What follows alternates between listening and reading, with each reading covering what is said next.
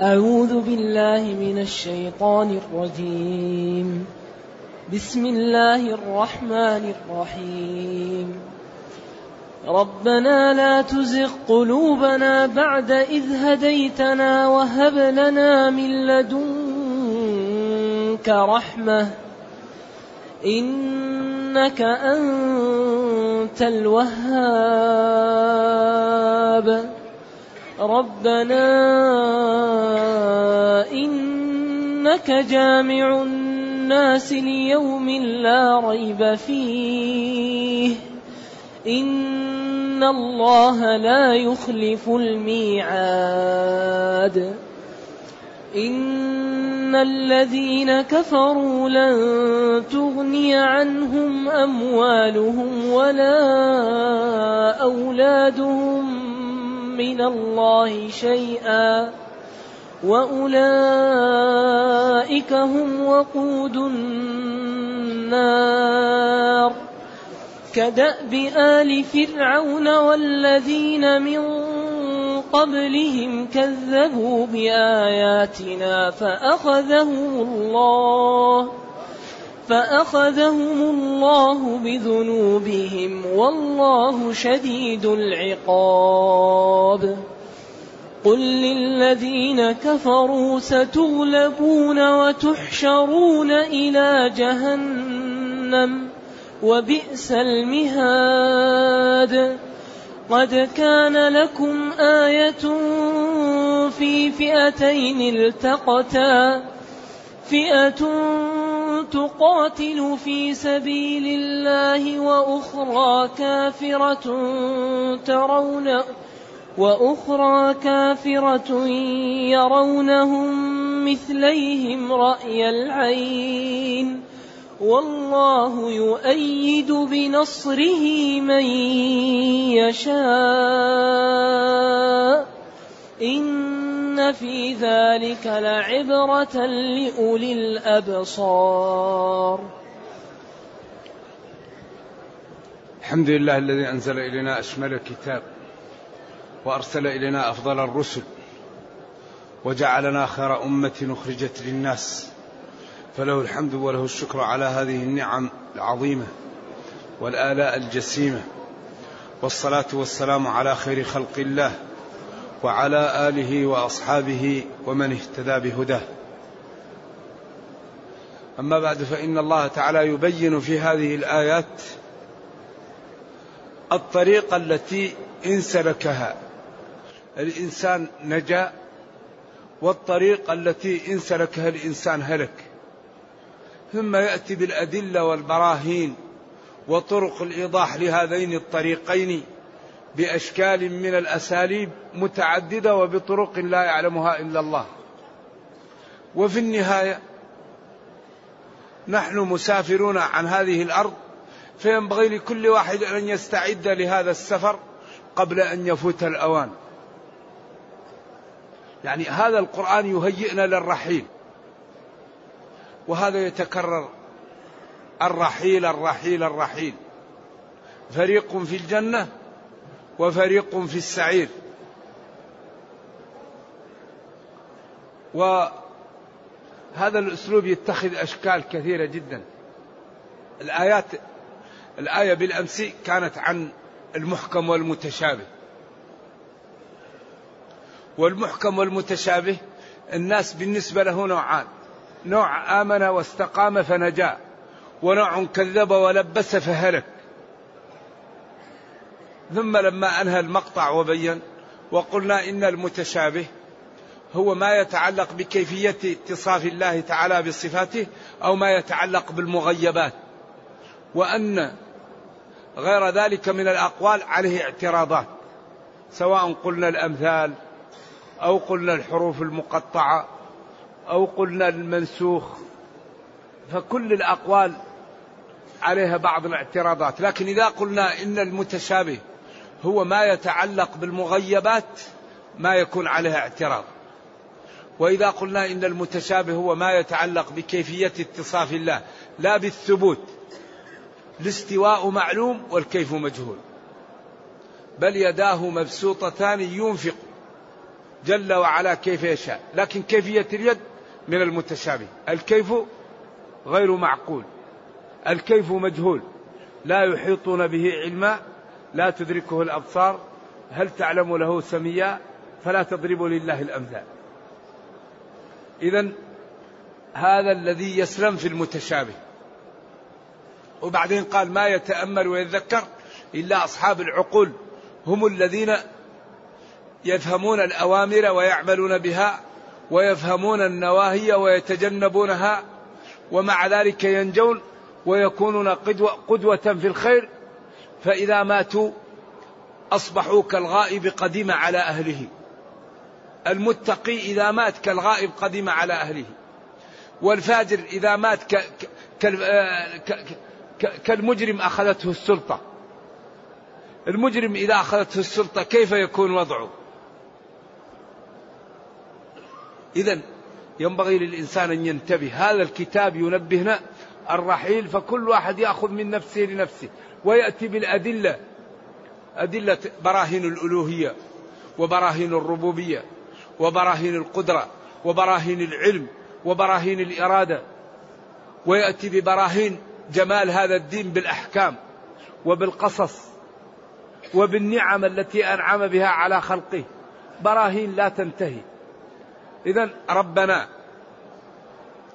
ربنا هذا منادى محذوف النداء وإذا حذف الغالب يقدر الياء لأنها هي أم الباب. يا ربنا. والياء ينادى بها للاحترام أو للبعد البعد المكاني أو البعد المنزلي. ولذلك يا هي التي من حروف النداء ينادى بها محذوفة. أما غيرها فلا ينادى بها إلا إيش؟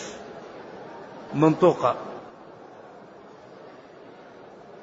كأيا وهيا وآ وأي ووا لا بد تكون منطوقة لكن الياء لأنها أم الباب ينادى بها وهي محذوفة.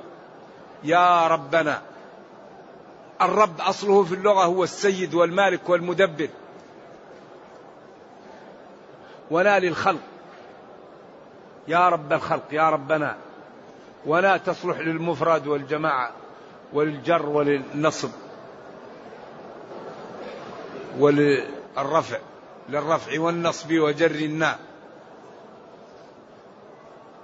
فيا ربنا لا تزغ قلوبنا. الزيغ هو الميل والانحراف.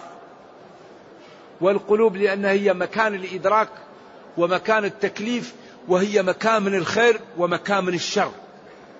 القلب هو المكان الذي فيه ثقل الإنسان. ذلك مهما اختفى الإنسان إذا نطق يكشف. مهما حاول الإنسان أن يخفي نفسه ويخفي أفكاره كل ما تكلم يظهر. ولذلك قال له تكلم لأراك. لأنه قبل التكلم لا يراه يرى شبح لكن إذا تكلم عرف هل عاقل هل عالم هل فاهم هل متعلم هل تقي. لأن كل إناء بالذي فيه ينضح. ومهما تكن عند امرئ من خليقة وإن خالها أو تخفى على الناس تعلم. لذلك لا ينجي إلا الصدق. لأن الإنسان مهما حاول أن يلبس في النهاية سينكشف. فبالبداية أحسن للإنسان أن يصدق وتكون حياته مبنية على ماذا؟ على الصدق. أما الواحد يحاول يلبس مهما كان ينكشف يوما ما. لأن الإنسان إذا غضب سينكشف وإذا فزع سينكشف. الإنسان قبل الغضب قد يلبس لكن إذا غضب خلاص تنكشف حقيقته وإذا فزع خاف. يتصنع فإن خاف يظهر على حقيقته. إذا لا تزغ لا تحرف قلوبنا. أماكن التي هي أماكن الخير وأماكن الشر وأماكن الثقل. ولذلك ألا وإن في الجسد مضغة؟ إذا صلحت صلح الجسد كله وإذا فسدت فسد ألا وهي القلب. والغريب أنهم يقولوا أن العقل هنا. أنهم يقولوا أن العقل فيش في الدماغ. والله قال ولكن تعمل قلوب التي في الصدور. والله يقول أنتم أعلم أم الله؟ ما قال ولكن تعمل العقول التي في الرؤوس. وقال أم لهم قلوب ما قال أم لهم أدمغة يعقلون بها؟ قال أم لهم قلوب يعقلون بها. لذلك الاتصال قضية اتفاقية فظنها الفلاسفة اللزومية فقالوا العقل في الدماغ. قالوا كل ما اختل شيء في الدماغ اختل العقل. وقد يختل شيء ويمرض القلب ولا يزول العقل. إذا العقل في الدماغ. هذه قضية اتفاقية ليست لزومية. لأنه قد يضرب الدماغ وتشتل اليد. نقول اليد هي الدماغ. قد يضرب الدماغ فيمنع النطق. نقول اللسان هو الدماغ. لكن سلامة الجسم مربوطة بسلامة الدماغ لكن العقل في الصدر. ألا وإن في الجسد مضغة. إذا صلحت صلح الجسد كله وألا وهي العقل. ولكن تعمل قلوب التي في الصدور. قوله التي في الصدور منبئة على أنه سيأتي ناس يقولوا أن العقل ما هو في الصدر. لأن لماذا التأكيد والإتيان بالصلة؟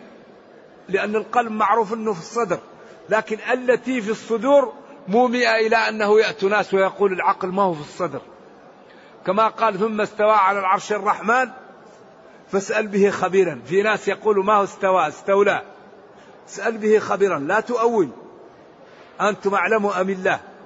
ولذلك هذا من إعجاز القرآن. يأتي بأشياء عجيبة. إذا لا تزغ لا تمل. قلوبنا جمع قلب والقلب هو مكان التكليف والمناط وكل تكليف بشرط العقل.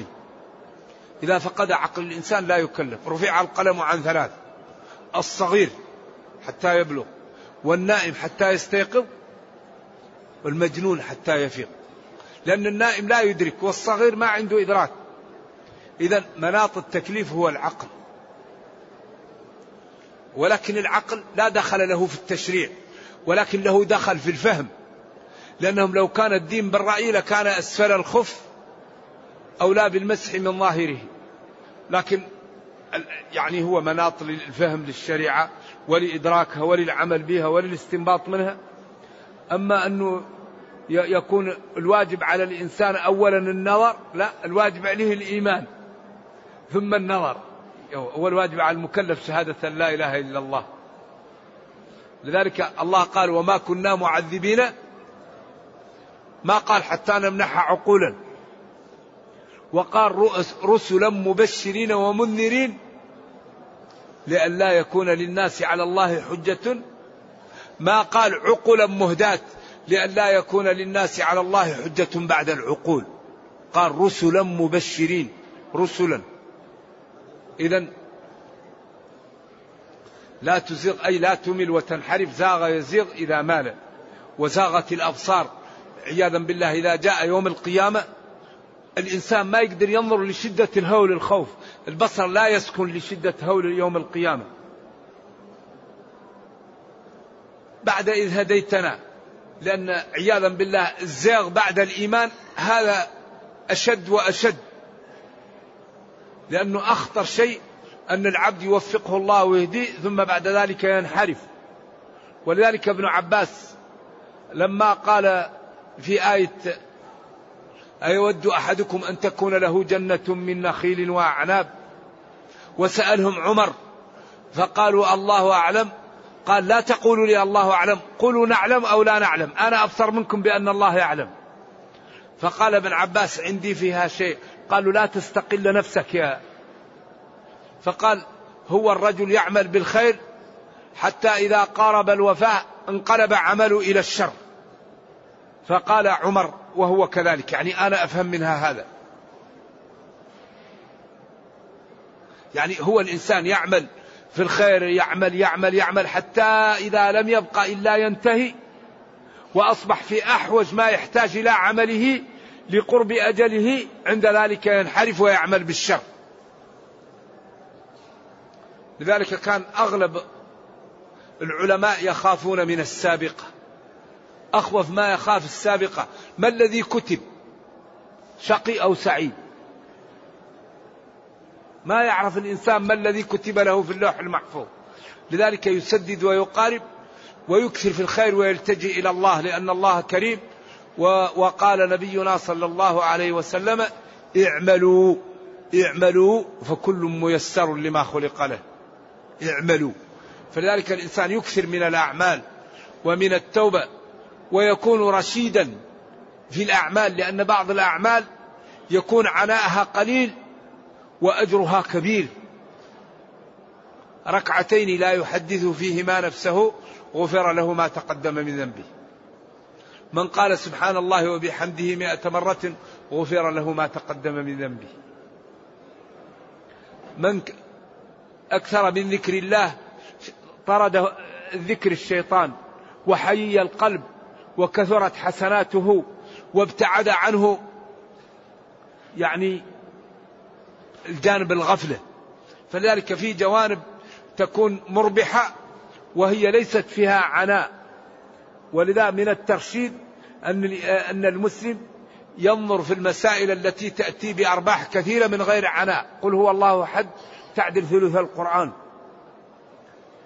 ورد أن الزلزلة تعدل نصف القرآن. إذا كان الوقت أنت وقتك ضيق أحيانا ما تقدر تسرد القرآن كله على الأقل أقرأ سورة الإخلاص ثلاث مرات. اذا هذا نوع من الترشيد. إذا إذا ما استطعت أن تصلي ولا أن تقرأ اسكت عن الغيبة عن الكلام. لأنك تركك للغيبة هذا صدقة على نفسك. على الأقل لا تضيع ما ما كسبت. بعد أن وفقتنا هديتنا إلى هذا الدين وإلى هذا الحق وهب لنا من لدنك رحمة. الوهب هو العطاء. أي رحمة عظيمة منك لنا. إنك أنت الله. الوهاب كثير العطاء. الله كثير العطاء. لذلك كل ما سأله العبد شيئا أعطاه إياه. وقال ربكم ادعوني أستجب لكم. ما يدعو العبد ربه إلا أعطاه. إما أن يعطيه سؤله الذي سأله. أو يدفع عنه بقدره من الضرر أو يدخر له المسألة إلى يوم القيامة فهو في أحوج لبس الحاجة إليه. إذا نكثر الله أكثر. لذلك ينبغي للمسلم أن يكثر من الدعاء. ويتحرى أوقات الإجابة بعد بين الأذان والإقامة في جوف الليل بعد الإفطار في يوم الجمعة في مسائه عند نزول المطر عند الخشية إذا العبد خشع وخاف الله في السجود. ولذا إذا اهتم العبد بنفسه الله يغمره بالخير. لأن الله كريم وأنت عبد ولا يضيع أجرا ويقول ادعوني أستجب لكم. ويقول ومن أصدق من الله قيلا. إذا وهب لنا من لدنك أي من عندك يا ربنا رحمة عظيمة بها تسترنا وتعزنا وتحمينا وترد عنا كيد أعدائنا. إنك أنت لا غيرك الوهاب كثير العطاء. ربنا يا ربنا إنك جامع الناس. إنك الكاف هو الله. إن الله جامع الجمع هو ضد التفريق. الناس الخلق جميعا ليوم يجعل الولدان شيبا يوم مقداره خمسين ألف سنة. يوم لا تسمع إلا همسا. وهذا اليوم الله يخوف به. فلذلك ينبغي أن يعد لهذا اليوم العدة حتى ينجو الإنسان من هوله. يوم تذهل فيه كل مرضعة عما أرضعت وتضع كل ذات حمل حملها وترى الناس سكارى وما هم بسكارى ولكن عذاب الله شديد. إنك جامع الناس جميعا ليوم لا ريب فيه. الريب هو الشك الذي يخالطه خوف.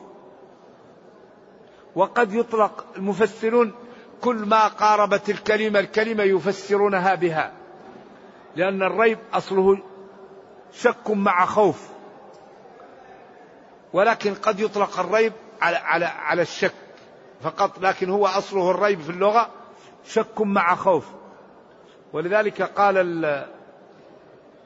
الكثير وكنت إذا ما رأيت ليلى تبرقعت فرابني منها الغداة سفورها.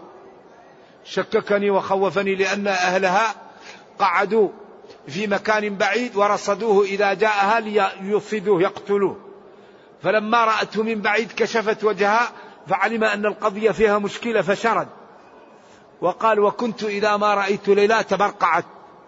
يعني تلفعت عني والآن كشفت فعلمت أن القضية فيها مشكل فشرت.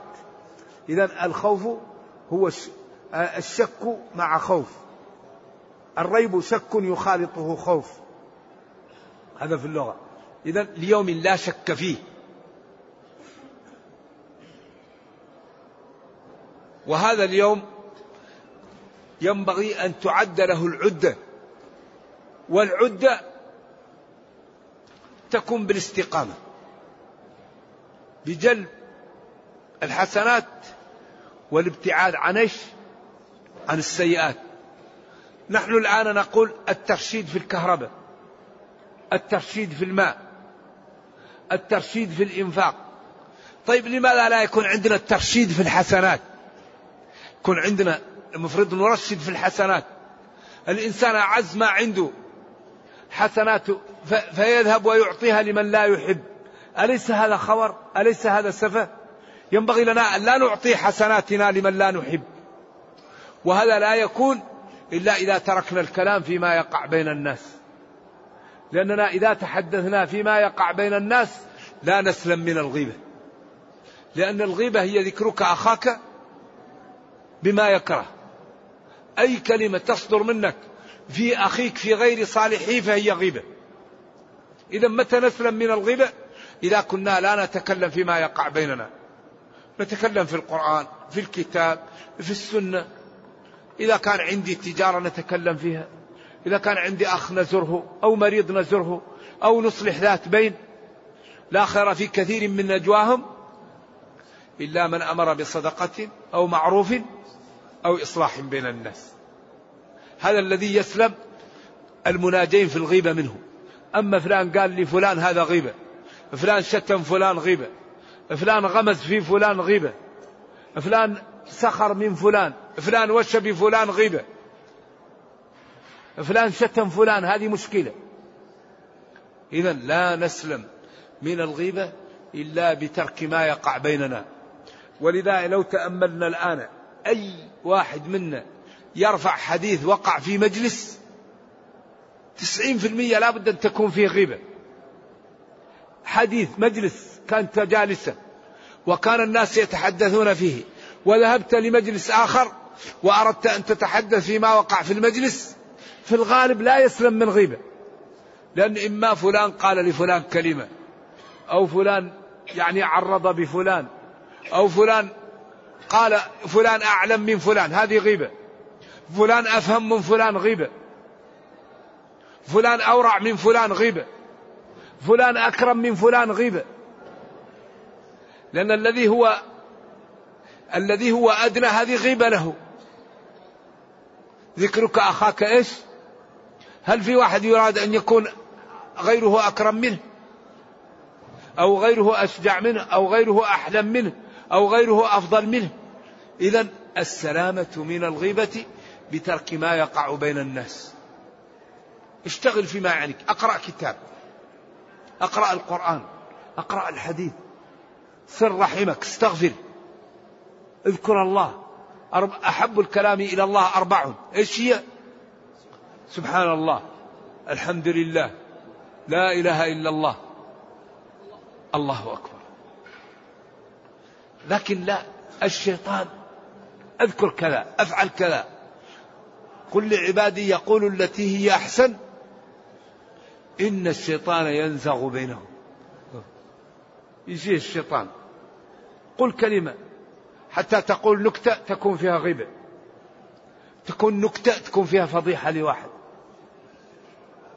ما الفائدة لو يضحك الناس أو يبكون؟ أول شيء احرص على حسناتك.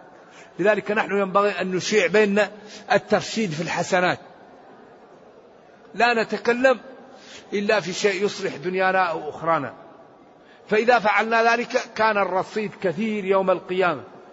وسلمت لنا حسناتنا وسلمت لنا قلوبنا ولانت فإذا صلينا وجدنا طعم الخشوع الخشوع لا يناله إلا المتقي. الذين هم في صلاتهم ما يمكن ينال الخشوع. الذي يأكل أعراض الناس الذي ينظر في الحرام الذي يكذب الذي يظلم الناس. لا يمكن أن ينال الخشوع إلا المتقي. والخشوع لا ينال إلا بالمكابدة. ومن أكبر أسباب المكابدة ترك أعراض الناس. لأن لا بقي قلبك صافي ما فيه غل ولا فيه غش ولا فيه حسد ولا فيه أعراض الناس هذا يبقى القلب صافي فإذا صليت امتلأ قلبك من الخشية والخشوع وجد ووجدت طعم للصلاة ووجدت لذة لقراءة القرآن وللاستغفار ولمناجاة الله. أما إذا كان الإنسان يقع في المعاصي فإذا ناجى ربه لا تجد المناجاة منفذ لوجود آه، الترسبات الموجودة من المعاصي ضد الجانب الخير. لذلك لا بد من المكابدة حتى المسلم يرتقي. إذا إنك لا تخلف ربنا إنك جامع الناس ليوم لا ريب فيه يوم القيامة. لا ريب في أنه واقع. لذلك الله يكثر. وهذا من الموضوعات السبعة التي جاء القرآن لبيانها يوم القيامة. أهوال وما فيه والذي يفتضح والذي يعز. كم من واحد يوم القيامة لا يعبأ به ولا يذكر فإذا هو يوم القيامة في منازل عجيبة. لأنه كان يستقيم كان يعبد الله في بيته كان يتصدق كان يصوم وكان يخفي أعماله عن الناس. وكم من واحد زي البالون في الدنيا وكلام عياذا بالله يوم القيامة لا وزن له. ومن جملتهم الرجل الذي تندلق أقتابه ويدر بها كما يدر الحمار بالرحى قال كنت آمر بالمعروف ولا آتي وأنهى عن المنكر وآتي. قال العلماء لأن الأمر بالمعروف والنهي عن المنكر طريق سلامة محققة لا يأتي إلا بالخير. لكن مشكلته أنه ما كان يأتي للخير وكان يأتي للمنكر. لأن الأمر بالمعروف والنهي عن المنكر طريق سلامة محققة. لكن هو كان ينهى عن المنكر ويأتي المنكر ويأمر بالمعروف ولا يأتي المعروف. فكان سبب إيباقه أنه ما كان صادقا. فلذلك الحقيقة ينبغي لنا أن نجتهد قبل أن يفوت الأوان والدنيا مثل الشريط. اليوم وبكرة اليوم وبكرة وبكرة وبعدين الإنسان يجر إلى القبر ويوضع في القبر ويوارى عليه القبر ويرجع الأهل والمال وتبقى أنت والعمل. فأهل القبور الآن واحد يتمنى ليرجع ليقول لا إله إلا الله. أنت الآن تقول لا إله إلا الله. يرجع لي يتمنى ليرجع ليقول رب اغفر لي خطيئتي يوم الدين. أنت الآن يمكن تقول مئات المرات رب اغفر لي خطيئتي. يتمنى يرجع ليصلي ركعتين. لأنه شاهد الحقيقة وكفت أيديه عن العمل. أما الآن أنت لا زلت في الدنيا الحسنة بعشر أمثالها ومن تاب تاب الله عليه ومن تاب وعمل الحسنات بدل الله له السيئات حسنات وهذا في محكم التنزيل. إلا من تاب وآمن وعمل عملا صالحا فأولئك يبدل الله سيئاتهم حسنات. لكن هذا لا يمكن يكون إلا بالمكابدة. الذي لا يكابد الطاعات لا ينمو الإيمان في قلبه. يكابد البصر يكابد السمع يكابد اللسان يكابد القلب يكابد اليد يكاتب الرجل يكابد البطن. فإذا كابد الطاعات نما جذع الإيمان في قلبه فأصبح من عباد الله الصالحين وأصبح الإيمان في قلبه كهذا العمود. فإذا سأل ربه أعطاه وإذا دعاه استجاب له وإذا عاداه شخص دمره ربه من عادى لي وليا؟ طيب ما الذي يريد الإنسان؟ إلا أن يعز في الدنيا ويعز في الأخرى وطريق ذلك الاستقامة. الذي يريد العزة الحقيقية يستقيم على دين الله. فإن الله غالب ولا تخفى عليه الخافية. ولذلك قال إن الله لا يخفى عليه شيء في الأرض ولا في السماء هو الذي يصوركم في الأرحام كيف يشاء. لا إله إلا هو. إذا ينبغي لكل واحد منا أن يجتهد ويأخذ من نفسه لنفسه قبل أن يفوت الأوان. إنك أنت ربنا إنك جامع الناس اليوم لا ريب فيه. إن الله لا يخلف الميعاد. طيب ربنا إنك جامع الناس اليوم لا ريب فيه. إذا ما المعنى؟ فارحمنا فاعزنا فارزقنا فلا تعذبنا فلا تهنا. وبعدين هذا كله مقتضى واضح من الكلام. كما قالوا أفضل الدعاء دعاء إيش؟ يوم عرفة. دعاء عرفة ما هو؟ لا إله إلا الله وحده. لا شريك له.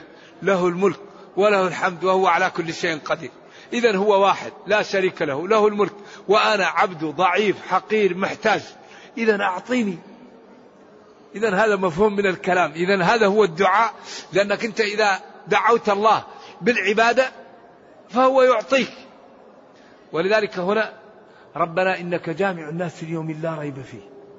وهذا اليوم فيه التمايز. يوم يجمعكم ليوم الجمع. ذلك يوم التغابن التمايز. ناس يصلوا إلى إلى في أعلى العليين وناس خسروا أنفسهم وأهليهم يوم القيامة. ألا ذلك هو الخسران المبين عياذا بالله. إذا فأعطنا وأكرمنا ولا تحرمنا ولا تهنا. إن الله لا يخلف الميعاد. فهو سي يحشر الناس ويبعثهم ويجازي كلا بعمله.